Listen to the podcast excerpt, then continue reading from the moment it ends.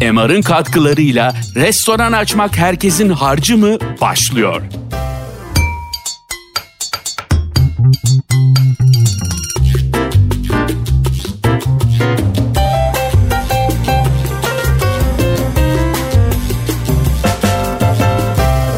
Mutfak Sanatları Akademisi'nde pratik eğitimi çok önemsiyoruz. Herkesin erişebileceği jenerik bilgiler yerine öğrencilerimizi eğitmenlerimizin ve sektördeki önemli isimlerin başarı ve başarısızlık hikayeleriyle yetiştiriyoruz.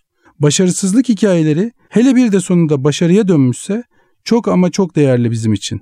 Bu podcast serisinin bir bölümü de çok engelli koşullardan sonra erişilen başarı hikayelerinin paylaşımı fikriyle ortaya çıktı.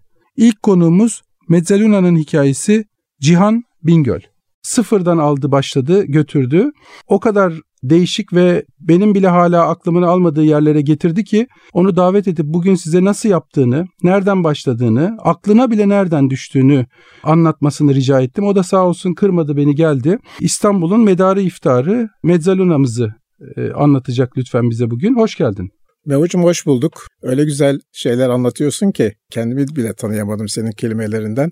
Ben de sana biraz şey yapayım. Mutfak Sanatları Akademisi'ni e, anlatayım. Senle 25 senedir tanışıyoruz ama daha önce girdim çıktım şeyde e, MSA'ya. Ama sen bugün beni böyle bir gezdirdin ki burada yani bunları nasıl başarmışsın? Bu kadar bir titizlikle nasıl bu şey işlemişsin mesaiyi bu kadar sene içerisinde ve nereye getirmişsin? Hakikaten dünyada bir örneği var mıdır? Bence yoktur herhalde. Çok yerleri gezmedim ama hiç tahmin edemiyorum bu kadar laboratuvar detayında bir yer olduğunu dünyanın başka tarafında. Onun için kucak dolusu tebrikler sana. Çok çok teşekkür ederim. Senin gibi ben de senin restoranına geldiğim zamanlar aynı şeyi hissederdim bunları bize deneyimleten birisinin bunu bana söylemesi ayrıca keyif ve onur veren bir şey. Çok teşekkür ederim. Şimdi konumuz MSA değil, konumuz Harika Mezzaluna. 95'te açtığını biliyorum. 91 ee, senesinde fikrin aklına düştüğünü biliyorum. Lütfen bize birinci gününden sonuncu gününe kadar hala mezzalunalar açık e, ama e, hani senin artık çıktığını biliyorum. Başından geçenleri, aklına düştüğü andan itibaren yaşadıklarını bizimle paylaşırsan çok sevinirim. Sen de mikrofon. E, Mezone 95 senesinde açtık 1995'te ama bunun daha önce bir daha önceye dayanan bir tarihçesi var.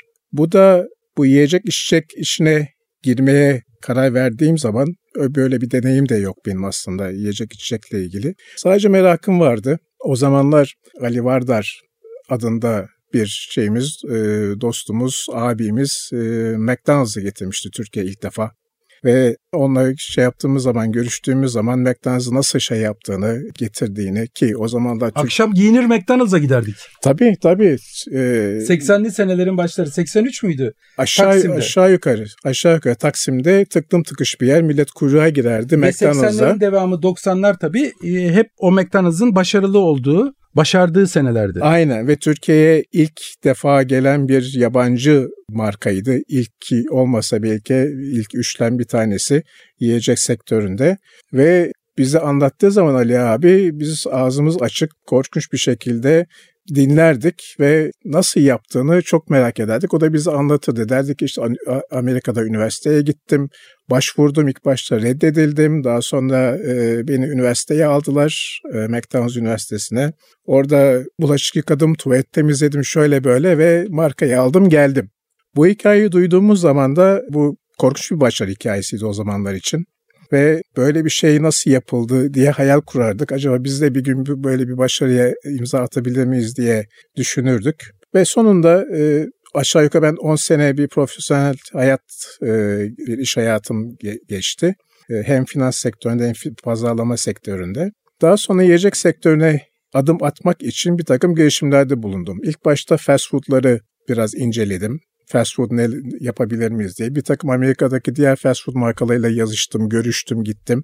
Ancak e, yatırım miktarı, istedikleri paralar, par- paralar ve şeyler e, zaman içerisinde ne kadar bir büyüme istedikleri işte 2 milyon dolar isim hakkı senede 20 tane adet e, şube açılacak falan derken tabii bizim etimiz budumuz o zaman e, böyle hiçbir şey yoktu şimdi. E, Ama bak mesela rakamlarda... dinle özür dilerim lafını böldüm. Dinleyenlerin dikkatini çekmek istiyorum. Seni endişelendiren hep onların senden beklediği maddi taraflar. Mesela eminim ki onlar senden bir o kadar da şey istemişlerdir işte şöyle olacak böyle olacak satın alması falan kurallara hiç itiraz etmedin. Tabii Çünkü tabii biliyorum ki tabii. yani Çünkü, çünkü zaten e, benim böyle bir deneyimim yok. Ben ne için başka markalara, e, başka taraflara yöneldim?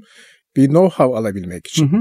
Dolayısıyla e, o know-how olmadan ben böyle bir, bir işe gir, girdiğim takdirde e, başarı oranım ne kadar düşük olacağını tahmin edebiliyordum. Bu sektörde de know-how çok önemli bir şey. Ben eğer bu sektöre gireceksem bir markanın know-how'unu alarak girmekte doğru Avantajlı olduğunu o. düşündüm ve ve o şekilde devam ettim. Ancak dediğim şartlardan dolayı hem maddi hem de işte e, bir sürü e, yük bindirdiler. İşte 20 tane açılacak ilk sene içerisinde falan ve gözüm korktu açıkçası öyle bir şeyden. çok iyi anlıyorum. Rakama zaten orada şey yapamıyordum. Öyle bir rakamla çıkartam çıkartmayı düşünmüyordum. Çıkartamıyordum zaten.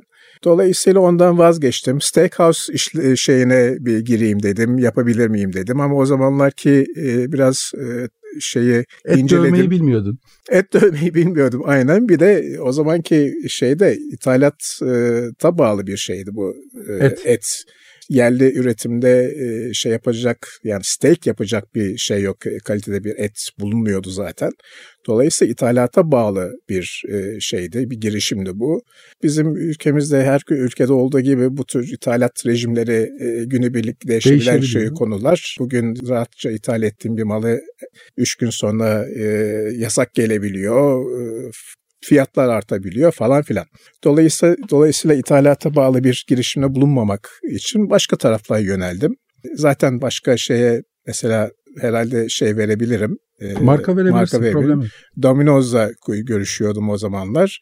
Onun da sebebi e, en azından ham maddesi Türkiye'de bulabilecek bir şeydi, e, bir markaydı. Yani pizza denildiği zaman ithalata bağlı bir şey yok, bir madde yok içerisinde. Neyse uzun lafın kısası bunları araç şey yaparken, bunları bu girişimlerde bulunurken arada sırada New York'a yolum düşüyordu. Orada benim bir arkadaşımın tanıttığı ve beraber gittiğimiz bir restoran e, Mezzaluna idi. Çok küçük bir restoran. Yerini bile E, hatırlıyorum. Evet, 3. Avenue üzerinde 74-75 arasında bir e, adresi vardı. Ve ufacık bir yerdi. Hatırladığım kadarıyla 42 kişilik kuveri vardı. Seninkinin minyonuydu. Benimkinin çok milyonuydu aynen. Ancak e, o zamanlar ilk defa New York'ta açıldığı zaman e, New York'a değişik bir şey getirdi, bir hava getirdi bu. Özellikle re- İtalyan restoranları sektörüne. Bu da e, şu, şu şekilde getirdi. İtalyan restoran denildiği zaman New York'ta sadece böyle çok klasik e, Godfather filminden kalma böyle kırmızı kareli şeyler, kırmızı beyaz kareli örtülü, Örtüler. işte her taraf ahşap, koyu renk ahşap. Ondan sonra biraz loş, tepelerden sarımsaklar, e, salamlar sarkıyor falan. Öyle klasik bir şeyi vardı, dekorasyonu vardı. Mezzona'nın başarısı e, çok yeni bir renk getirdi. Her taraf renkli, ışıl ışıl, Aydınlık. aydınlık, böyle tam böyle İtalyan İtalya'daki trattoriaların tarzında sıkışık masalar, gürültülü, bangır bangır böyle e, her taraftan Tabaklar, ses sesler yankılıyor. Ça- bağırtılar, çağ- İt- İtalyanlar böyle bağırıyor, çağırıyor ama çok daha böyle bir İtalyan restoranı modernleştirilmiş bir havasıydı. Ve o 42 kişi kuvveri olan restoranın kapısında sabah akşam kuyruk vardı. Ve bütün şeyler e, orada Amerika'nın starları, e, yıldızları, işte yok mankenler, yok e, İş adamları. iş adamları, bütün herkes sıraya girmiş. Orada bir masa bekliyordu. Ve o zamanlar için korkunç bir başarıydı. Ve buraya gid- gidip geldikçe ben o başarıyı biraz hakikaten hissetmeye başladım, görmeye başladım, yaşamaya başladım. İlk defa oranın bir müdürüyle tanıştık. İşletmecisi, işleten şey kişiyle. Daha sonra sahibiyle tanışma imkanı bulduk gittikçe. Ve daha sonra düşünmeye başladım. Ben biraz fast food tarafına bu işe girerken niye böyle bir şey olmasın İstanbul'da? Böyle bir e, ihtiyaç var mıdır acaba diye düşünmeye başladım. Sonra o ihtiyacın olduğunu tespit ettim gidip geldikçe. O zamanlar şeyde e, İstanbul'da bir sürü değişik restoranlar var tabii. Üst seviye fine dining dediğimiz restoranlar vardı. Süreyya var. Şey var. E, Park Şam'dan Park var, Şam'dan Ziya var, var, Ziya var. e, ya da otellerde olan e, restoranlar var. Fine dining diyebileceğimiz. şey, Yok Hilton'un tepesindeydi, şeydeydi. e, Swiss Hotel falan gibi. Balıkçılar var söylemeye şey. Evet, e, balıkçılar var. Esnaf lokantaları var. Bir de o zamanlar yeni yeni kafeler açılmaya başlamıştı. Değil mi? Ve e, ben yabancı misafirlerimi şey yaparken, dolaştırırken gündüzleri böyle bir finans sektöründe bir bankadan bankaya gidiyoruz falan filan böyle üç tane randevu, dört tane randevu arasında o yanımda beraber gittiğimiz o yabancı e, iş adamını e, beraber arada sırada da şey yapmamız lazım. Bir öğlen yemeği yememiz lazım bir yerde. E nerede yiyeceğiz? Yani. Park Şam'dan mı götüreceğim adamı? E, Park Şam'dan gittiğin zaman yıldanırsın orada. Çok güzel tamam ama girdin çıktın e, en az bir buçuk saat. E senin şöyle bir 40 dakika falan bir şeyin varsa bir arada bir e, aralığın varsa e nereye götüreceksin? Esnaf lokantası veya kafe. Tamam onlara da gittik. E, adamı da biraz şey yapmak lazım tabii. Türk yemeklerini de göstermek lazım falan. E, turistik e, şeyde katkılarda bulunmak lazım. Ama bir kere, iki kere e, tamam devam aynı yerler diyecek, kafeler diyecek halin yok. Esnaf lokantalarında e, bir yerden sonra yetiyor. E kafeye gittiğin zaman salata ve sandviçten çok daha fazla ileri gidemiyorsun yemek olarak. O zamanlar Divan Pub vardı. Harikaydı. Ve Divan Pub o şeyi, o boşluğu dolduran e, sayılı yerlerden bir tanesiydi. Neredeyse tekti değil mi? Yani. Tekti çünkü orada e, Divan Pub'u şu şekilde ben beğenirdim. Ama eski hali. Tabii tabii eski hali. O zamanlarki hali. Çabuk servis, güzel yemek ve çeşitli yemek. İstersen döner de yiyebiliyorsun, istersen pizza da alabiliyorsun, makarna da olabiliyor, şinitsel de olabiliyor veya başka bir herhangi başka bir şey de olabiliyor. Temiz servis, kalitesini biliyorsun. Yani bir şey yok, sürpriz yok, kötü bir sürpriz yok. Hijyenini şey yapıyorsun, hala, görebiliyorsun. Hala aklımda kredi kartı daha yeni yerleşiyordu. Gelir sorardı e, servisi adisyonu alacak adam. Diners mı, Visa mı, Gold mu ödemek evet, isterseniz evet. nakit mi diye sorardı. Aynen, aynen. Ve e, hoşuma giderdi onun böyle profesyonel bir şekilde yönetilmesi. Ee, şeyinden mutfağından tut garsonuna kadar e, servis elemanlarına kadar çok şeyli, mesafeli, terbiyeli. E, e şeyde yemeğin kalitesi de güzel. O kadar çabuk çıkan bir şey için bir servis için. Ve e, adamı divan pub'a götürdüm öğlen yemeği. Orada bir yarım saat 40 dakikada yemek yerdik. Ondan sonra çıkar diğer e, rand- randevuya giderdik. E sonra bir ikinci yer düşünmeye başladım. Bu şekilde e, dünya mutfağını sana verebilen başka bir yer yok. Veya ben o zamanlar e, bilemiyordum benim şeyde dolaştığım mevkilerde. Dolayısıyla sonra düşündüm Mezorna bu şey bir boşluğu var burada ve boşluğu dolduracak bir marka olabilir Mezalon. Çünkü Mezalon özelliği e, çok belli bir kalitenin altına inmeden iyi bir kaliteyle nispeten müsait e, güzel fiyatlara yani e, şey yapılacak e, cebi yormayacak fiyatlarla çıkabileceğin e, bir yerdi. Ve e, Mezona'yı araştırdım. Herkesin de damak tadına uyuyor. Herkesin Türk'ünün damak tadına. de, İngiliz'in de, İtalyan'ın da, Alman'ın da, şunun da, bunun da damak tadına bir şekilde pizza uyuyor. Aynen dünyada en fazla e, rağbet gören mutfaklardan bir tanesi. Diğeri de belki Çin mutfağıdır. E, Çin'in popülasyonu gözünün önünde bulundurursak belki ama yani İtalyan mutfağı dediğiniz dediğin zaman her tarafta rağbet gören bir mutfak tarzı. Geçen günkü Diken'deki yazımda bahsettim. Bir e, arkadaşımdan bilerek aldığım rakamlar 70 bin İtalya içinde 70 bin de İtalya dışında İtalyan restoranı var. Hı, buyurun. Bir de e, daha önce de söylediğim gibi ithalata bağlı bir şey bir şeyin yok burada. Evet, bir takım e, ek malzemeler, peynirdi, e, destek destek malzemeleri evet ithalata bağlı ama sonuçta bir pizza veya makarna yaptığın zaman onun ana malzemesi e, un, su. E, Çok doğru. Türkiye'de e, ve dünyanın her tarafında bulabileceğin. Yani ithalatında bir problem çıksa bile o günü ve o ayı idame e, ettirebileceğin başka şeyler veya Aynen. hiç hiç koymasan bile olur yani. Aynen. Tamam. E, prosciutto yoksa maalesef prosciutto pizzamız yok ama işte sebzeli pizzamız var, şu var, bu var diye diyebileceğin. E, diyebileceğin. Ama e, o e, şeyde steakhouse önünde olduğu gibi Affedersiniz e, etimiz kalmadı. etimiz kalmadı. E, size başka bir şey peynirli pide yapalım diyemezsin öyle doğru, bir yerde. Doğru doğru doğru. Bunlar harika öğretici şeyler dinleyenlere. Yani bunu öğrenmek isteyenler için yani o kadar o kadar kıymetli şeyler anlatıyorsun ki ya bunu yapmak isteyen insanlara budur zaten nasıl içinden çıkartıp bulduğun. Lütfen özür evet. dilerim kestim. Estağfurullah. Bu tabii bu iş araştırma işi. Biraz öğreti gerektiren bir şey bu. Yani restoran, yiyecek içecek sektör güzel bir sektör ama şu anda herkes böyle herkes demeyeyim birçok insan e, bu şaşasına şey kapılıp restoran sektörünün kafe veya restoran ışıklarına kapılıp ışıklarına kapılıp çok fazla araştırma yapmadan nasıl olsa o da yapıyor ben de yaparım gibi bir şeye girişiyor.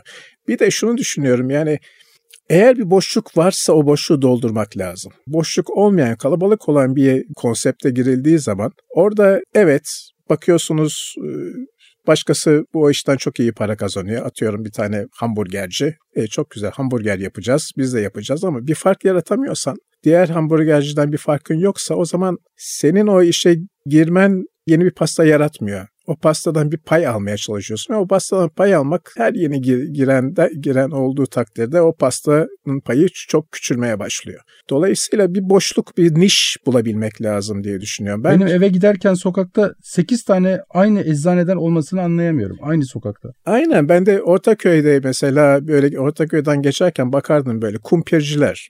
Yan yana, yan yana, yan yana, yan yana 7-8 tane kumpirci sıralanmış ve e, patates satıyorlar. Ya bir tanesi değişik bir şey satmaz mı orada? Ama bir, iki tane kumpirci çok iyi iş yapıyor diye oraya 7-8 tane kumpirci olmaya başlıyor. Bir tanesi de hani farklı bir şey getiriyor mu oraya getirmiyor. Sadece pastayı bölüyor. Dolayısıyla bu boşluğu görmek önemli bence. Ben bendeki şans o boş bir boş olan bir şey yakaladım. Bir e, bir niş yakaladım. Yani o da e, aslında şey casual dining diyebileceğimiz, e, rahatlıkla gidebileceğin, e, iyi bir yemek yiyebileceğin, üzerindeki elbiseye, kıyafete bakmayacağın, yani aman bir bir yere gidiyoruz. Üzerimizdeki kıyafetin çok işte biraz şey olması lazım. Çünkü mezona geldiği zaman biraz fine dining'e yakın bir giriş yaptım. Hı hı. Ee, Ama siz korkmayın dedi sonra yol üstünde. Siz korkmayın ben fine dining değilim rahat rahat gelin, eviniz gibi gelin dediği yol üstünde. Aynen. Aynen. Onu öğrettiği yol üstünde. Bir dakika çok önemli bir kelime söyledin. Ona geri dönmek istiyorum müsaadenle bir saniye. Şans dedin doğru. Hı hı. Ben de Mutfak Sanatları Akademisi'ni yaptığım zaman şansın bana yardım ettiğini, bu konunun boşluk olduğunu, iyi bir eğitim alarak mezun olan aşçıların daha katma değer sağlayacağını, alaylı aşçı olmaktan bir fark yaratacağını düşünerek şey yaptım. Ama ya, ve bu bir şanstı. Yani girdim ve oldu. Ama sen ben de aynı şeyi yaptığımı düşünüyorum. Sen bu şansı çalışarak yani şansın olması yetmiyor. Sen bu şansı çalışarak katma değerli ve katma değerli ve katma değerli hale getirdin. Ben tırnaklarımla uğraştım. Kaç sene, kaç kere, iki kere, üç kere iflas ettiğimi sen gözlerinle gördün. Tabii. Yani hikaye o şansı yakalamak tamam şansın olacak ama ondan sonra o şansın ben seni aylarca gittim, yıllarca gittim sen orada başındaydın. Bir günde ben karımı alayım sinemaya gideyim bu akşam demedin. İşte o şansı sonra çalışmayla pekiştirmek lazım. Yoksa sadece tek başına şans yetmiyor. Sen öyle sadece şans dedin geçti. tabii ki şans evet. gerekiyor yol üstünde ama özür dilerim yine Rica lafını böldüm. Bu t- tabii şans dediğim şuydu. E, şansıma orada bir e, boşluk yakaladım. Varmış. Ama tabii o dediğin senin de dediğin gibi o, o şansa boşluk yaşanmıyor yakalanmıyor. O şansı da e, o boşu da görebilmek lazım. Tabii ki. O, o boşu görmek de biraz araştırmayla, biraz şey yaparak, acele etmeden bu doğru mudur, değil midir e, diye bir takım analizler yaparak, sonra araştırma yaparak. Sonra da o şansı, o boşluğu nasıl doldurduğuna nasıl, geliyor nasıl, iş. Ondan sonra da o işi nasıl yapacaksına Tabii. geliyor. Şimdi dolayısıyla biz sonuçta uzun lafın kısası biz şeyi Mezona'yı ne yapacağımızı bulduk. Ne yapacağımızı bulduk. E, teklif ettik beyefendilere. E, 91 senesiydi bu. Sahibi ve mimarı çok önemli bir mimarı vardı. Floransalı bir mimar. Çok böyle e, şey e, oranın beyefendisi e, böyle beyaz saçlar falan filan çok tipik İtalyan. Çok iyi hatırlıyorum ve tanıyorum da tanışmıştım sayende tabii. Rahmetli. Ve ikisi geldiler. 91 senesiydi. Tam galiba o 91 evet 91'di.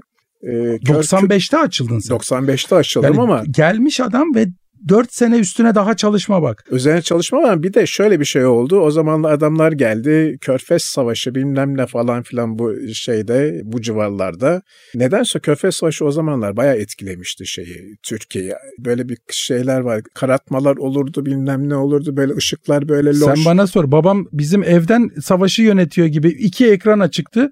Oradan bombalar geliyor. Bu kruz bu bilmem ne evet. diye evin içinden savaşı yönetirdi. Herhalde bize sıçrar mı? Türkiye'ye sıçrar mı? Bu savaş korku korkusu içerisinde böyle bütün şeye gidiyorsun, çıkıyorsun, restoranlara gidiyorsun bomboş. Ondan mı biraz gecikti? Biraz ondan gecikti çünkü mesela adamları, beyleri götürüyorduk bir restorana, İtalya, çok iyi en iyi İtalyan restoranı falan filan diye bir yerlere götürüyorduk mesela. Ondan sonra e, bakıyorsunuz bir tek masa biz veya bir, bir masa daha var. Ondan sonra başka öğlen başka bir yere gidiyorsun gene bomboş. Hiç öyle bir pazarlama yapmıştık ki adamla ve pazarlama demeyeyim yani tanıttık. Yani Türkiye'de bir potansiyel var ve biz bu potansiyeli yakalamaya çalışıyoruz diye e, açılış yaptığımız e, beyleri getiriyoruz İstanbul'a ve bu potansiyeli göstermeye çalışırken bakıyoruz ortada potansiyel potansiyel yok. Ama o çok dönemsel şeyler Dön, olabiliyor. Dönemsel tabii. Ondan sonra işte en güzel işte diyoruz ki Türkiye'nin İstanbul'un en nezih lokasyonlarından, mahallelerinden bir tanesi Nişantaşı diyoruz falan filan. Yağmur yağıyor. Adam yolda yürürken yürüyemiyor. yürüyemiyor kaldırımlarda. Bir taşa basıyor üzerine taşın altından çamurlar sıçrıyor falan. Neyse e, bütün bunlara rağmen İkna adamlar e, tamam dedi bunu e, yaparız dedi ama dedi işte fesleğen var mı? Fesleğen evet fesleğen basiliko e, nereden alıyoruz? Hep beraber araştıralım dedik. Basiliko bakmaya gittik. Türkiye'de basiliko yok. O şeyde e, sinek savar e, şeyler, e, reyhanlar veya fesleğenler vardı. Teknelerin arkalarına konulur. Ayvalıkta vardır. Üstüne okşarsın. Üstüne okşar koku gelir. Fesleğen diyor onları bulduk. Bunun bir fesleğen yok Türkiye'de. Fesleğen de işte sosa koyuyorsun, pizza sosuna koyuyorsun, şunu yapıyorsun, bunu yapıyorsun. E peki biberiye var mı? Hadi biberiye aradık. Biberiye bulunan bir yer yok. Sonra şehir dışına çıktık böyle. O zaman yöresel möresel falan filan şeyler de yok. Yani onların kıymete bindiği zamanlar yok, da değil. Yok ya biberiye diye bir şey yok bizim mutfağımızda zaten o zamanlar. Yani çok da Türk mutfağında açıkçası çok fazla tanıdığım bir mutfak değildi o zamanlar. Belki de hiçbir mutfağı çok fazla tanımıyordum aslında. Ama e, yani bu fesleğen biberiye dediğiniz, dediğiniz zaman bu bulunmaz şeylerdi. İşte fesleğen bir dağlara çıktık, köyleri möyleri dolaştık. Dediler ki işte şey var, biberiye burada var dediler. İşte ya, şey e, yabani biberiye topladık şeyle dağlardan, taşlardan. O adam da beraber mi? E, o da adam da beraber. Ve o muymuş istediği biberiye? Bununla da idare ederiz dedi ama asıl bu değil dedi falan filan. Ona da geleceğim sonra. Bizim Ondan, her şeyimiz harikadır ya çünkü. Onları nasıl yaptım, o, yani nasıl üstesinden geldiğimi anlatacağım. Daha sonra e, işte zeytinyağı tadımları falan filan Allah'tan orada e, şey yaptık, sınıfı geçtik. Ve bir sürü de başka malzemeleri araştırdık burada. Olmayanları nasıl yapabiliriz, nasıl gidebilir, ithalat rejimi nedir, İtalya'dan var mı İtalyan malzemelerini falan. Bütün bunlara şey yaptık, girdik. Ama asıl önemlisi bu şeydeki o benim o Körfez Savaşı'nda gördüğüm ve daha sonra devam eden o piyasadaki o durgunluk beni biraz şey yaptı biraz demotive etti ve dedim ben bunu biraz daha bekletelim. Ben hazır olduğum zaman size şey yapacağım, haber vereceğim diye öyle bir anlaştık. İtibat devam etti bir iki sene daha falan. Ondan sonra 94 senesinde ben dedim ben hazırım bu işe giriyorum dedim ve kalktık eşimle beraber, Taya ile beraber şeye gittik, New York'a gittik. Beylerle gene son şeyleri Orada hiç çalıştın mı? Orada orada çalıştım. Mutfakta çok fazla gö- mutfakta gözlemciydim ama serviste şey yaptım, çalıştım. Çok uzun bir süre değil ama sadece havasını kok- şey tecrübeyi te- almak, tecrübe için. almak için e, bir iki hafta kalmıştık orada. O sırada şey yaptım, serviste şey yaptım, çalıştım ve akabinde düğmeye bastık. Tamam. Ve, Şimdi ve, geldik ikinci kısma mı artık? Nasıl yapıyoruz? Şimdi yapıyoruz. Hadi. İlk başta bu biberiye, fesleğen falan ne yapacağız diye düşündük. Bir sera yaptık. Kendi seranızı Kendi yaptık. seramızı yaptık. Oradan e, İsviçre'den hatırlıyorum veya Civapon diğer bu taraflarından tohumlar getirdik. Şimdi bakın şöyle anlatayım ben. Giriş bölümü yapılır mı? Nasıl yapılırdı? Şimdi gelişme bölümüne geldik. Yapılanları ortaya çıkartmak, çözümleri bulmak ve evet, işi bu, sürdürülebilir bir yeni moda deyimle sürdürülebilir, sürdürülebilir bir hale, hale gelmek. Yani bir kuruluş şeyi safhasına e, geldik. E, bu kuruluş safhasında dediğim gibi o bulunmayan tedarik edemediğimiz e, şeyleri, ürünleri bir yerlerden bulmaya veya yapmaya çalıştık. E, seramızda yetiştirdik. O zamanlar işte salata yapılıyordu. Palarossa, Lolorossa falan renkli salatalar. Hı hı. Onları get, onların tohumlarını getirdik. Biz de senden öğrendik hepsini. Evet ve dediğim gibi fesleğenimizi yetiştirdik, bibereğimizi yetiştirdik falan filan. Ve e, ilk başta bir onu bir bir tarafta şey yaptık, kurduk, başlattık. Diğer taraftan şey araştırmasına girdik, mekan araştırmasına girdik. Nişantaşı'nda ilk yerimizi açtık. Biraz böyle şey altındaydı, yer altına giren bir me- Yarım me- mekandı. Yarım kat gibiydi. İlk başta gözümüz korktu ama Nişantaşı'na o zaman güvenmiştim. Çok o zamanlar epey bir Nişantaşı'na kaçış vardı. Etiler çok şey bir Hı hı. mekan olmuştu, bir bölge olmuştu. Revaçta bir bölge olmuştu.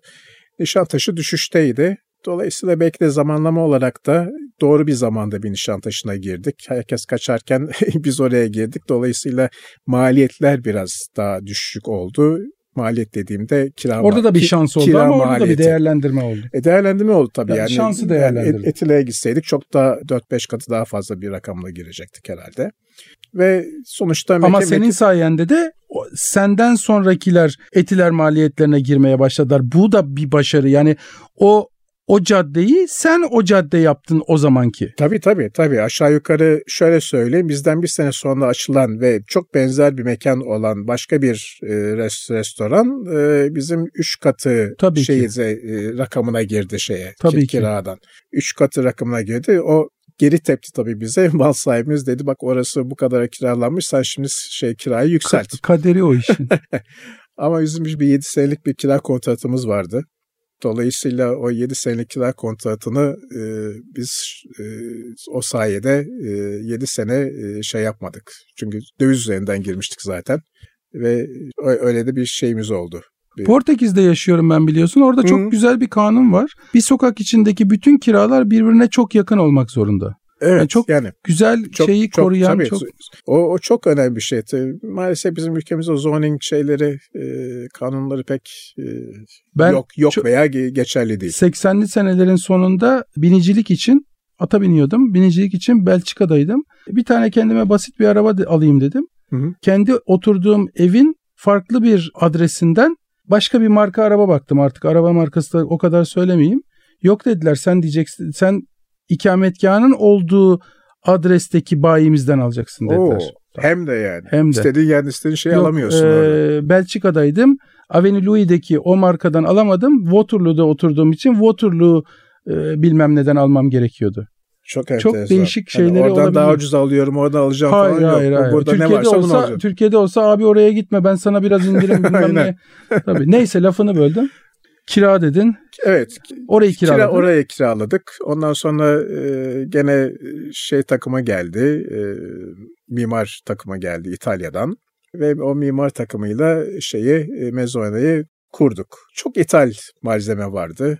O Mezzona enteresan tarafı şuydu. E, İnşai malzeme. inşa malzeme, e, daha sonra dekoratif mal- malzeme diyeyim. Tabii. Enteresan bir şeyi var Mezzona'nın. E, Bütün duvarları e, aşağı yukarı 50'ye 50 boyutlarında kare e, Fayanslı. resimlerle, Aa evet evet özür dilerim. resimlerle kaplı.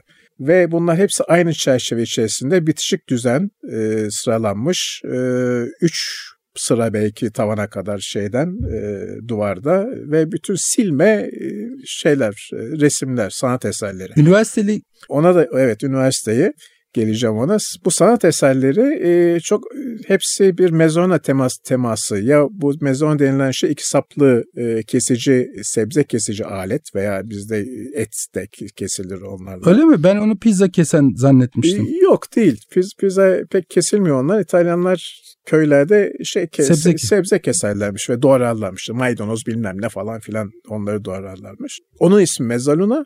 Bir de aynı zamanda yarım ay demek. İtalyanca'da mezzaluna. Mezza yarım, luna ay.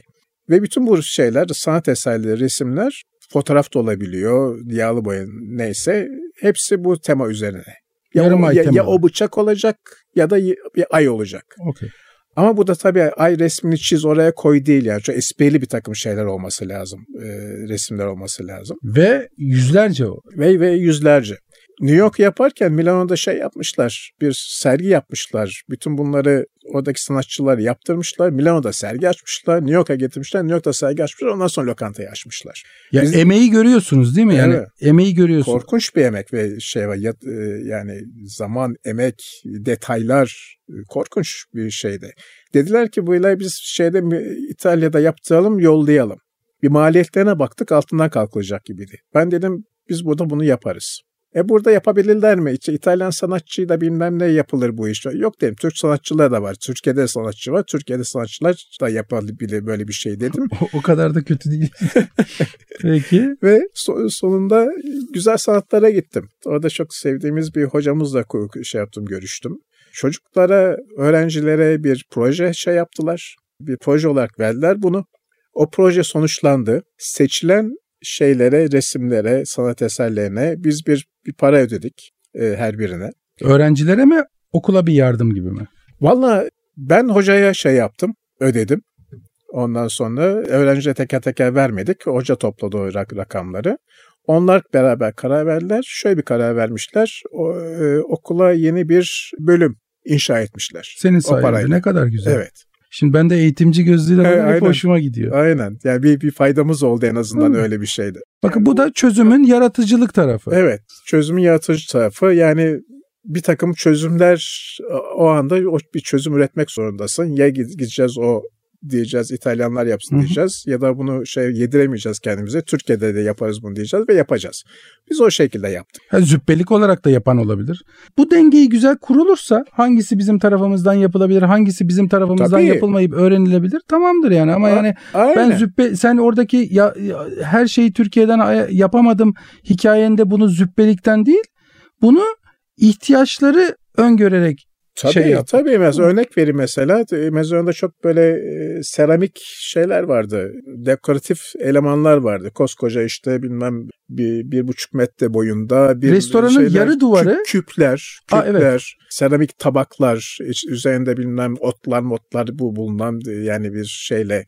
Yarı e, beline kadar da restoran zaten bir seramik e, Aynen. eseri gibiydi. Seramik eseri gibiydi ve şey yaptık. Onları mesela Türkiye'de araştırdık. Türkiye'de o, o şekilde yapabileceğimiz seramikler yok. Yani o İtalyan havasını verebilecek hı hı. kabartmalı bilmem neli üzerine çiçekler, böcekler bilmemler olan falan. Dolayısıyla onları ithal ettik mesela. Hı hı. Bir ee, Gorbon vardı onu yapabilecek. Benim anladığım o dönemde Gorbon yoktu galiba. Var da bunlar e, biraz daha mı İtalyan? Tek seferlik işler bunlar. Yani Doğru söylüyorsun. seri evet. üretimi olduğu için yani işte bana bir tane şu renk küp olsun yap bunu Çok bunu doğru şeyi koy bunun üzerine şey yap onun üzerine bir armut koy falan onu yapamıyordum. Tabii e, ben e, duvardaki şey olarak düşündüm haklısın. Tabaklar ve küpleri Tabii, koyunca evet. o dekoratif şeyler o evet. şeydi. Duvarları ise standart seramikleri bu şey yapamadık, kullanamadık dümdüz olan seramikleri. Biraz kabartmalı, hafif böyle yani makineden çıkmamış da el yapımı gibi otantik bir havası vardı. Otantik e, seramik e, şeylerini e, karga çömlek vardı o zamanlar. Heh, bak gördün mısın? mü Türkiye'den yaptırdın. Türkiye'den yaptırdık. Karga çömlek vardı Şişli'de böyle şeyde minicik bir e, atölye. Hı hı. O atölyede yaptırdık ve süper iş çıkarttılar. Bütün şeyler speklerine göre şeydeki Sonraki yapılanlarda İtalya'da, da hep aynısından mı yaptırdın? Hep aynısından yaptırdık. Okay. Seramikleri öyle yaptık. Ondan derken, sonra işte masalar, iskemleler falan filan. Şöyle iskemle Mutfak? Ha iskemleleri anlat çok ha, önemli. İskemleri anlatacağım. O masaları ve iskemleri anlatacağım. Şimdi masalar mermer böyle bir pembe şeyden. E, kolun üşürdü. Aynen kolun üşürdü. Pembe mermerden bir e, şey masalar tek ayaklı. İskemler ise ahşap ve katlanır. Hı hı. Ee, ve çok hafif de öne doğruydu hafif öne doğru üzerine o aslında öne doğru olması şey biraz biraz bazen de öne doğruydu. O biraz e, şeyde zaman içerisinde esnemesinden, esnemesinden gelen, gel, okay. gelen bir şeydi o. Onun da sebebi şu. Masalar pembe mermer ve etrafında e, şeyler tampon, tamponlar, ahşap, ahşap tamponları vardı. Bunun da sebebi New York'a bağlı. New York'a dayanıyor. New York'taki restoranda o kadar küçük ki masalar, iskemler devamlı sağdan sola, soldan sağa devamlı çev şey yap, yer değiştiriyor. Tek kişilik bir masayı iki kişiyi e, dört kişilik yapmak için işte masayı ekliyorsun ekliyor. Yanına. Ötekini çıkartıyor. Ötekini altı kişi yapıyor. Sekiz yapıyor. Tekrar bire indiriyor. Duvara dayıyor. Bilmem ne yapıyor falan diye. Bunu tampon koymuşlar ki mermerler kırılmasın diye. O birinci zaten o klasik bir şey, uygulama. İskemlenin katlanır olması ise o kadar dar bir alan var ki minicik bir alanda 42 kişilik kuverde bir masadan arka bir masaya geçmek istiyorsan bir yerden başkalarını oradan geçebilmek için katlanan iskemle olmasa oradan iskemleri teker teker dışarı çıkartıp milleti içeri sokman lazım o şeyden koridordan masaya giden koridordan. Dolayısıyla o iki iki masa arasındaki şeyi geçişi sağlayabilmek için o iskemle hemen katlanıyor insan birisi geçiyor sonra o iskemle Orası açılıyor. Orası 42 kişiyken kalabalıktı ama ben senin orada da 180-200 kişinin hatta gün içinde 350 kişinin 400 kişinin yemek yediğini biliyorum. Seninki de tabii, tabii, kendi tabii. boyuna göre A, tabii, tabii, katlanması tabii. gerekiyordu aynen, yani. Aynen katlanması gerekiyordu. Orada katlanması gerekiyordu ama o iskemleri biz de gene başka taraflarda devam ettirdik şey katlanması o kadar gereksiz gerekli olmayan yerlerde devam ettirdik. O da bir, bir artık bir şey o stil olmuştu. Evet. Bir tar- Mezona'nın tabii şeyi bir alameti farikası gibi haline gelmişti. O iskemle yaptık falan filan sonuçta açtık. Hatta, bir de mutfağı anlatır mısın? Tabii hatta bir şey daha söyleyeceğim. E, açmadan önce bir restorancı arkadaşlarımız, e, tanıdıklarımız şeyden Nişantaşı'dan geçerlerken bizi görmüş gece çalışıyoruz. İşte küpler gelmiş, masalar gelmiş falan hazırlık yapıyoruz. Belki birkaç gün sonra açacağız. E, masaları gördüler. Dediler ki e, masalar güzel de niye bunu mermer yaptınız ki sırf ahşap geçseydiniz üzerine örtüyü atacaksınız. Yok dedik örtü yok dedik şeyde e, bizim konseptimizde biz örtü kullanmayacağız dedik. Nasıl yani dediler yani örtüsüz mü şey yapacaksınız restoranda işleteceksiniz? Evet. Eski restoran... köye yeni adet getiriyorsun abi. dedi Türk insanı örtüsü ol, örtü olmayan masada yemek yemez dedi. Yanlış yapıyorsunuz dedi. Örtü yapın dedi falan. o iki Sen tane. Türk insanının başına daha neler gelecek iki tane duayen restorancı ve dedik biz şey bu. Konseptimiz bu. Konseptimiz bu. Biz böyle devam ediyoruz falan. Da kolay gelsin dediler. Gittiler şeyle espriler yaparak. Onu hatırlıyorum bu masa işi konusu çıkınca. Mutfak deyince birkaç yerden teklif aldık ama bütçemiz içerisinde de kalmak zorundaydık. Çünkü bir bütçeye dayalı bir şey bir, bir konu bu. Hani ona da yapalım buna da yapalım diye diye değil. Sonuçta bütçeye dayalı olduğu için kalite ve fiyat dengesi en iyi olan bir e, bir şirkete bunu yaptırdık. Çok da memnun kaldık. Hem servisinden hem e, üretim kalitesinden. Tabii mutfak dizaynında şeyle İtalyanlar şey yaptı, çizdi. İşte know-how orada çok önemli. Tabii yani, ki. oturup ben çizemeyeceğime göre bir, yer, bir yerlerden sen e, en iyi sen bilirsin burada. Her şeyi know-how'la yapıyorsun zaten ve onun için çok iyi yapıyorsun. Mutfağı dizayn ettik. Sonra tabii bu arada ekip var. Ekibi bir yerlerden bulmak lazım. Gazete ilanları, şunlar bunlar ve sonuçta bütün ekibi şey yaptık, topladık eğitimler verdik açılmadan önce. Aşağı yukarı bir ay bir ay eğitim verdik şeylere. E, Çalışan. çalışanlara. Özellikle servis elemanlarına.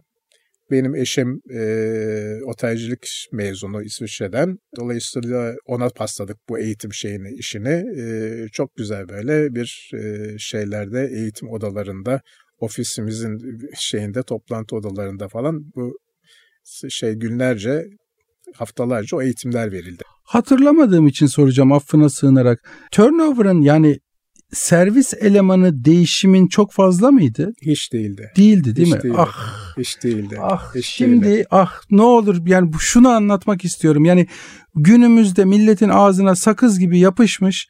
İşte turnover'ımız çok. Elemanlara eğitim vermeye gerek yok. Elemanlar zaten 5 günde bir değişiyor. 10 günde e, 300 lira için 50 lira için bizi terk ediyorlar bilmem ne laflarını duyuyorum.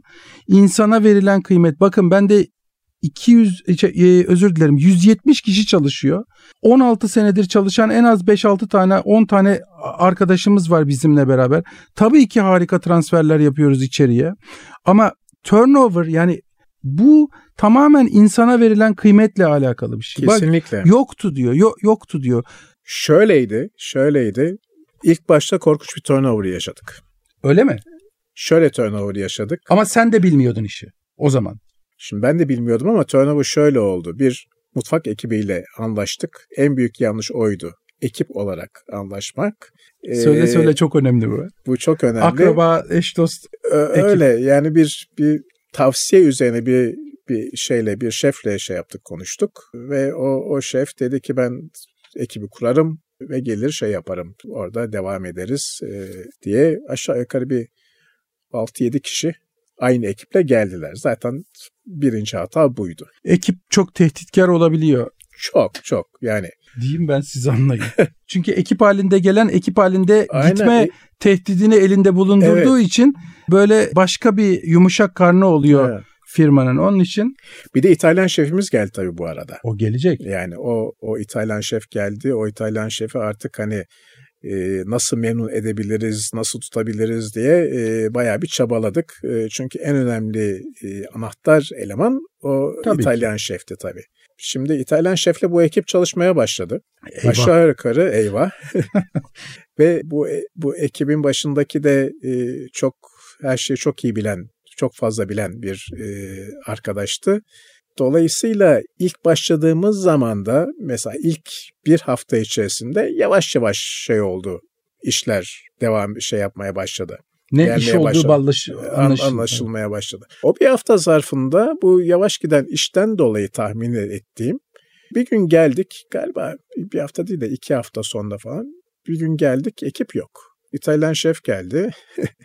Ondan sonra ekibin haricinde kalan 2-3 kişi geldi ama o ekipteki 6-7 kişi yok. Adı üstünde ekip çünkü. ekip kimse gelmemiş.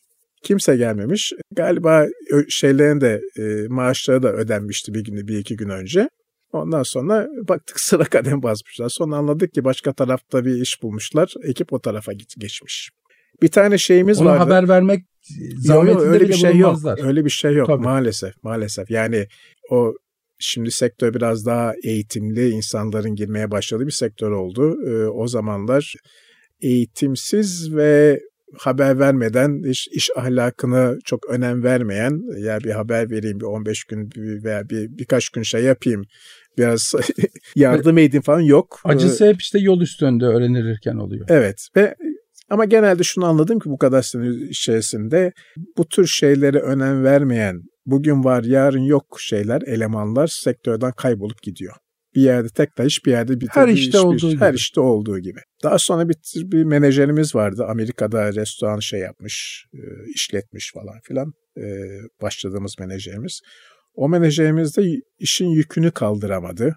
Çok bunaldığını, e, çok detay olduğunu ve çok çalıştığından şey bahsetti. Peki bu ilk iki hafta tıkır tıkır dolmaya başladı mı? Tabii ya bu çok iyi hissediliyordu şey bu şey doluş. Yani yavaş yavaş e, artı artı artı artı ş- şey oldu. Dol, ilk iki dolmaya haftada başladı. aksilikler oldu mu? İlk iki hafta muhakkak oldu aksilikler. E, Ama yani kayda değer Çok kayda değer ama işte aksilik dedim işte ekip yok. O- Yani yet daha, yani Daha aks- aksilik bu. Menajer dedi ben yapamıyorum dedi. Ağlamaya başladı adam koskoca adam falan. Yani özür diledi ama ben bu kadar şey olacağını zann O da herhalde zannettik yani bir tane lokanta açılacak öyle bir barda oturacak. Bizim oradan kesecek. geçen şeylerden ne haber? İki tane eski lokantacı örtüsüz olmaz diye. Peki. Sonra zaman içerisinde tabii bu şey arttı. E, potansiyel arttı ve öyle bir bir patlama yaptık ki birdenbire. Normalde restoran sektöründe hani bu geri dönüşü, yatırımın geri dönüşü epey bir süre alabilir. O zaman 9 ayda yatırımımızı geri almıştık. Müthiş Ki bir yani şey. bu sektör için 9 ay e, ba- şey. bayağı iyi bir şey. Bir performans.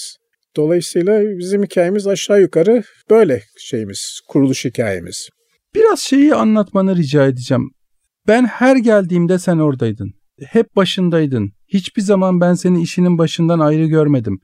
Ondan sonra hep Tula Hanım vardı. Onu da analım. Ee, restoranın menajeri hepimizin annesi gibi davranırdı. Hepimizin ablası gibi davranırdı. Ee, biraz çekinirdi insanlar ondan ama öteki taraftan da çok çok severlerdi. Ee, aslında Türk insanına çok tezat bir e, şeydi. Welcoming'di onunki. Karşılamaydı ve ağırlamaydı onunki. Ama öteki taraftan herkes de çok saygı duyardı ona. Sen de çok saygı duyardın ona. Bazen sana hatırlıyorum şikayet gelmesine rağmen her zaman sen Mezzaluna'nın o DNA'sını hep korudun. Biraz da ondan bahseder misin? Sen hep başındaydın hep. E, müşteri ya ben senin beni kaç kere masama götürdüğünü dostum arkadaşım olduğun halde biliyorum ve hatırlıyorum. Yani sen oranın sahibi gibi değil bir çalışanı gibi hatta en düşük seviye çalışanı gibi davranırdın. Hiçbir zaman ben seni ben buraların sahibiyim, şuralar oralarda benim havasında olmadın sen. Hep oranın bir neferi gibi davrandın. Biraz da ondan bahseder misin lütfen? E zaten oranın çalışanın neferiydim ben zaten. Yani sahibi olmak demek başka şey. Yani sahibi atıyorum bir parayı koyarsın dersin ki ben bu işte çalışmayacağım ben sadece bir yatırımcıyım burada dersin tamam o zaman çalışma ama sen bunu meslek olarak yapıyorsan bu işe girmişsen bu yatırım yapıp da bu işi götürmek istiyorsan ve yönetiyorsan e, yöneticiysen zaten işin başında olman lazım. İşin başında olduğun zaman zaten yapacağın iş her işi yapabilmen lazım.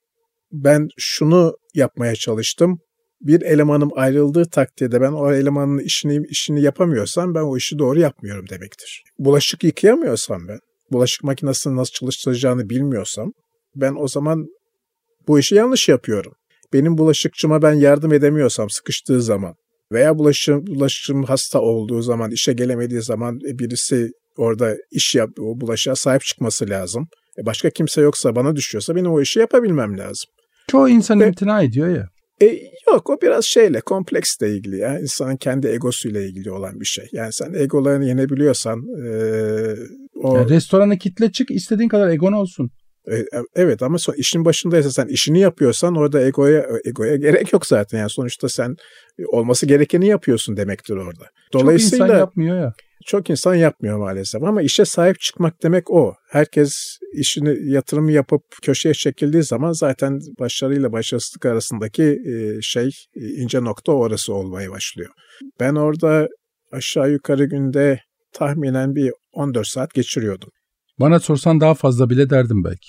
Yani, Şahit oluyor. Ha, yani hatırladığım aklımda kalan kadar. İşte eve gittin, eve geldin falan filan. Bir, bir, bir 4-5 saat uyku sonra tekrar e, devam ediyorsun. E, dolayısıyla yani sabahtan akşama kadar oradasın ve her türlü detayla ilgilenmen lazım. Bunun personel detayları konuları var. Ekipman konuları var.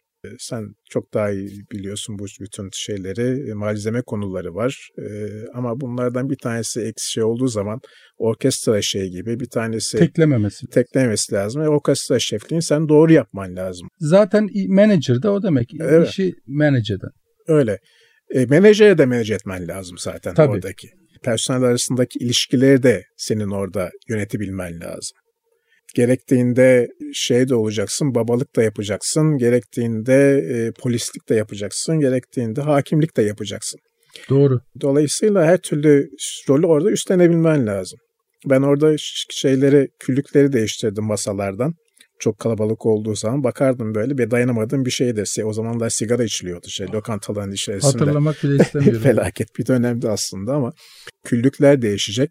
Şimdi öyle bir kalabalık var ki Komiler koşturuyor. Külükleri değiştirmesi gereken komiler koşturuyor. Bakıyorsun hakikaten boş kimse yok. Boşları, tabakları alıyorlar bilmem ne yapıyorlar Haklı falan olarak falan. boş kimse yok. Haklılıktan ya, tabii, yani tabii, tabii. çalışmadıklarından Çalışmadan kenarda yani, boş durduklarından evet, değil. Evet, evet. Yani dönem dönem olabiliyor. Belki bir, bir komi eksik şey oldu. Gelemedi o gün. Bir şey oldu. Hani e, sıkış sıkışık zamanlar oluyor her şeyde. Tabii işletmede ki. olduğu gibi.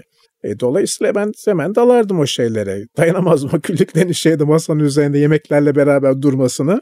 Ben hemen, senin orada e, birebir çalıştığını, koştuğunu gözümün önüne geliyor. Tabii tabii tabakları taşırdım, tepsileri taşırdım, bakardım bir şey. O onlara motivasyon tu- da oluyor tuvalet, Tabii tabii tabii. Tuvaleti temizlerdim, giderdim, aynaları silerdim, tuvaletlerde bilmem ne yapardım, mutfağa giderdim, bulaş, bulaşığa yardım ederdim. Şef hastalanırdı, bu sefer mutfağa giderdim. Ee, bu sefer mutfaktaki şeyi yönetimi yapardım. İşte gelen o şeyleri, siparişleri şey yapmak. E, Becerebildiğin e, kadar ama becer, en azından tabii. insanlar çaba gösterdiğini, emek verdiğini, e, kıymet verdiğini görürler. Aynen. Ve dolayısıyla e, şeyde o insanlar onu gördüğü zaman ya bak ben çalışıyorum, buranın patronu da çalışıyor. Onu gördüğü zaman o hem bana motivasyon hem onlara motivasyon. Tabii çok iyi. Müşteri Müşteri de bakıyor. O da kıymet veriyor. Evet. Evet. Müşteri de bakıyor. Şey çok hoşuma giderdi. Bana işte e, şunu da alır mısın falan tabak boşları toplar mısın falan dediği zaman tamam ne güzel görevimi yapıyorum demek diye şey yapardım hani beni oradaki bir eleman diye şey yaparlardı görürlerdi. Kimi olsa komiyi gösterir evladım git bunu topla falan der mesela. Doğru Öyle bir şeyden gıcık gocunmazdım. Mezona enteresan bir şeydi bir formüldü.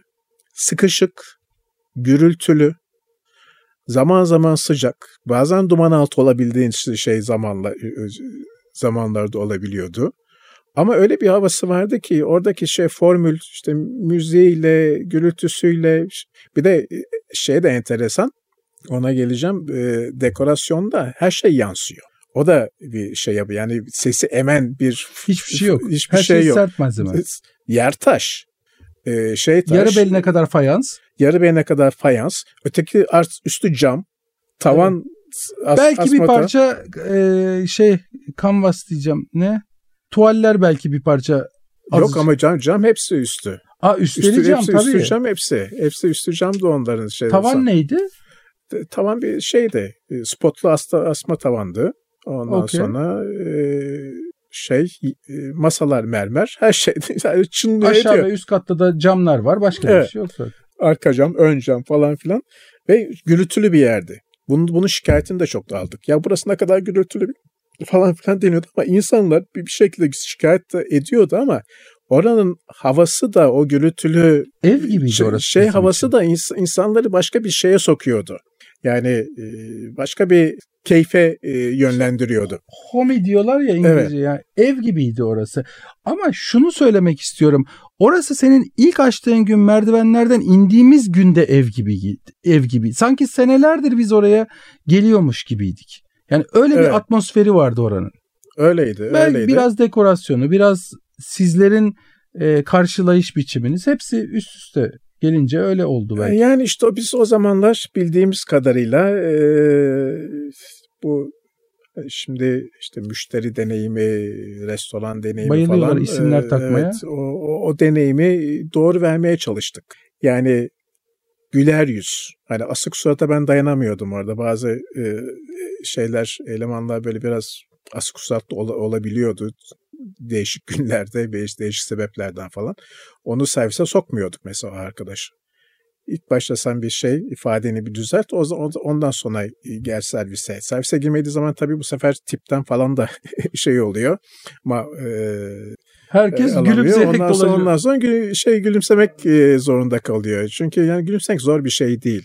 İnsanlar e, şey yapmış, o kadar yorulmuş, etmiş, günü geçirmiş bir şey gelecekler orada bir e, güzel bir yemek yiyecekler, bir iki arkadaşlar sohbet edecekler, bir iki içki alacaklar falan derken bir tane su- suratsız bir adamın senin karşına gelip o şekilde seninle muhatap olması tabii e, hoş bir şey değil. Dolayısıyla Ama burada önemli olan lafını böldüm özür dilerim. Sen bunu CRM bilmem ne müşteri deneyimi yaratmak bilmem ne kitaplarından okuyarak yapmadın. Sen bunu içinden gelerek yaptın. tabii İçinden hissederek yaptın. Çünkü sen öyle karşılanmak istiyordun birileri tarafından ve sen nasıl karşılanmak istiyorsan öyle karşıladın insanları. Yani sen bunu aa evet efendim işte müşteri deneyimi yaratmak güler yüzlü olunması gerekiyormuş. Evet çiz altını bunu yapıyoruz Evet. arkadaşlar demedin.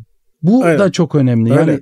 Bunu bir e, yapılması gereken başlıklar listesinden alıp da yapmadın sen değil bunu. tabii. No, no, Sen bunu kendine nasıl istiyorduysan öyle davrandın insanlara. Aynen. Aynen. Yani bu- da bunlar da normal bir davranış tarzları aslında. Yani sen biz biz diyorduk biz biz burada ev sahibiyiz.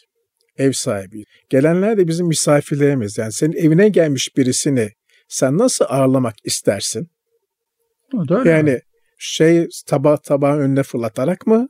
Suratını asarak mı şey, ev sahibi şeye misafirini karşılarsın şeyde normal hayatta hayır. Evinde sen misafirini en sıcak şekilde karşılarsın değil mi? E burası da burası da öyle. Senin misafirin gelen insanlar. Bunu defalarca şey anlatmaya çalıştık. bir de o Doğru. senelerde. O, o Hiç senelerde. yokken. Hiç yokken. O da, Ve- o da çok zor. Ve yani birisi hanımlar mesela şeyden alışverişten gelmiş ellerinde poşetler şeyler hemen bu poşete alınması lazım bir kere. Yani o kapıların açılması lazım. Poşetten alınması lazım. Vestiyere konulması lazım. Yani o o sistemlerin o şekilde yürümesi Ama lazım. o poşetin o kadıncağızın elinde olduğunu da görülmesi lazım. Görülmesi lazım tabii. Ve onu onu, onu görünmesi için elimizden geleni şey yaptık. Ona uyanık insanları yaratmak, e- eğitmek mi diyeyim artık, uyandırmak lazım. Bizim halkımızda biraz şey var. Ee, onu da aşılamaya çalıştık. Bazı kelimeleri kullanamıyoruz.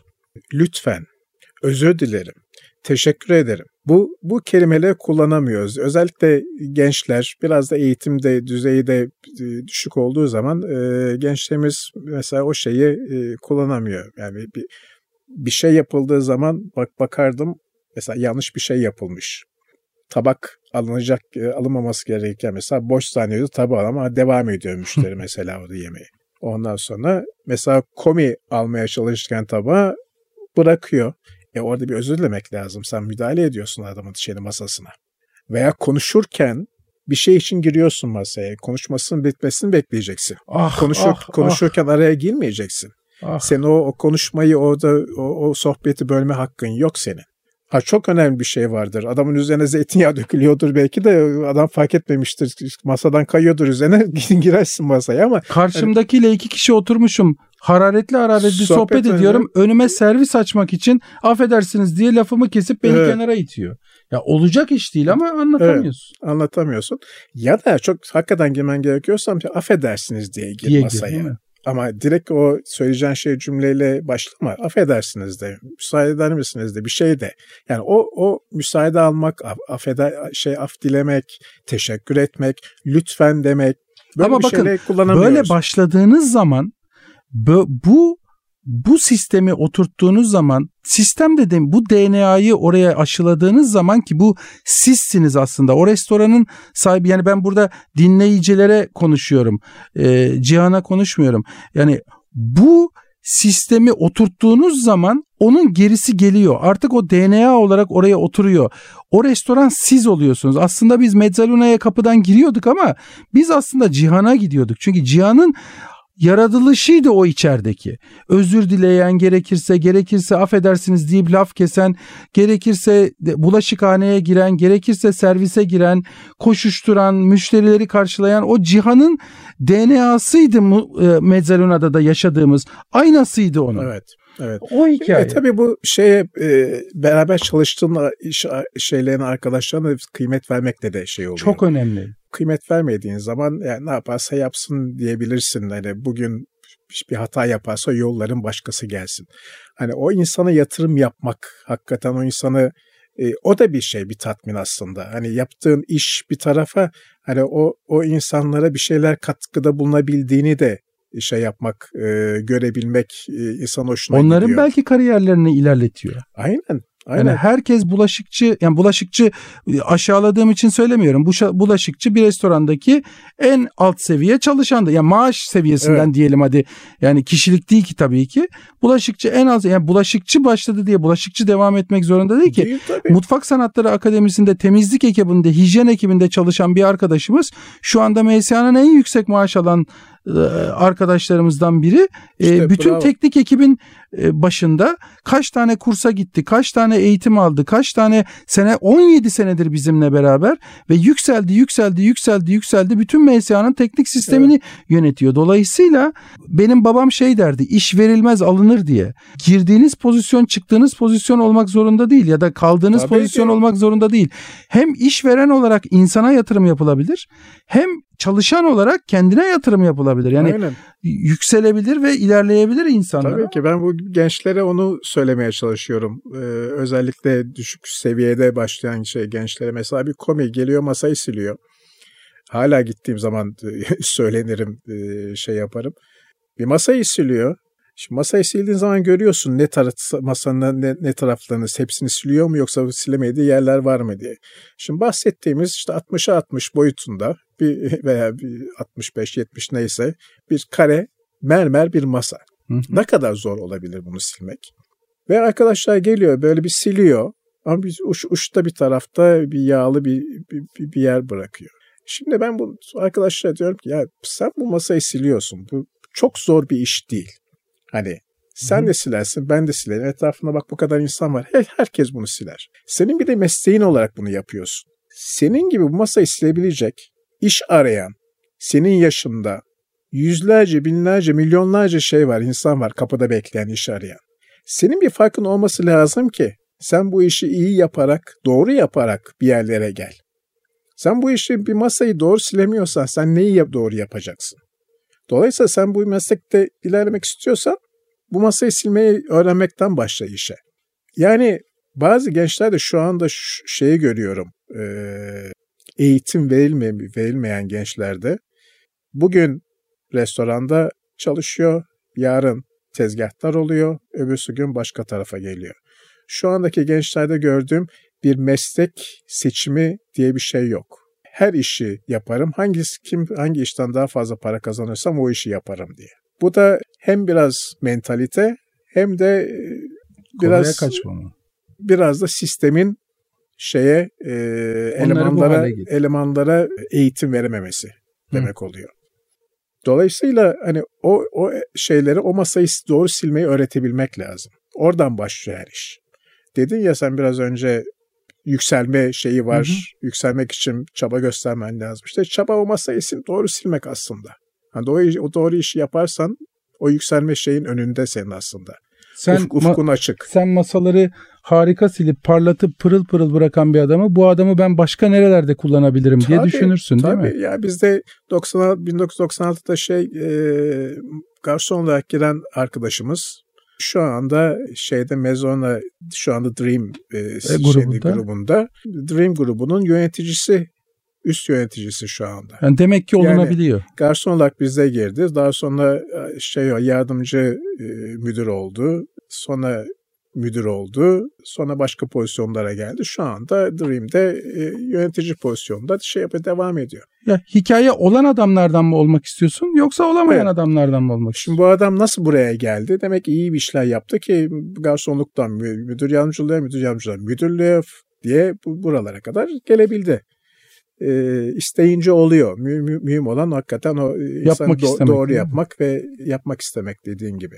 Bu mesleğin sırrı herhalde zaten insandan geçiyor. Her şey insan zaten. Personel dediğin iş arkadaşlarının insan, müşterinin insan.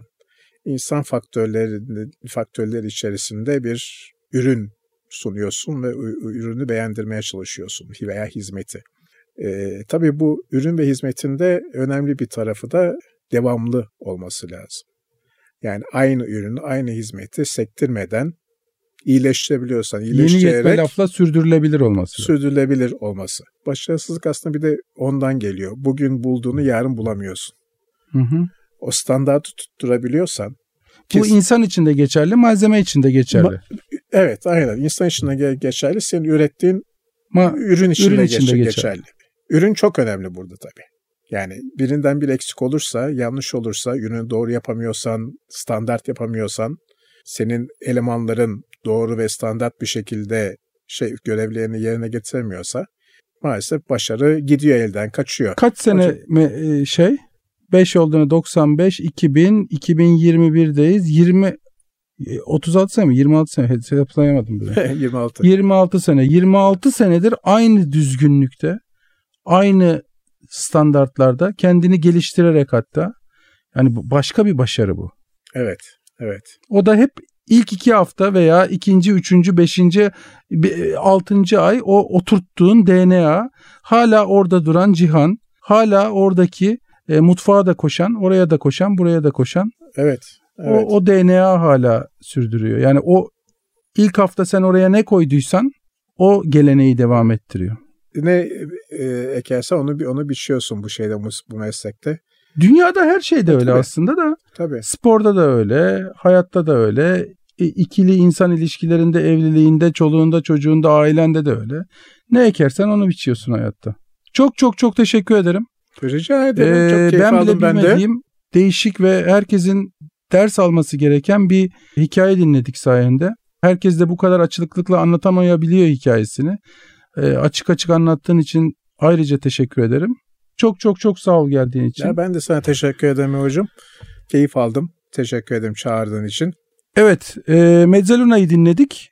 Cihan Bingöl'ün kendi ağzından nasıl aklına geldi, nasıl yaptı, nelerle boğuştu, nelerle karşılaştı.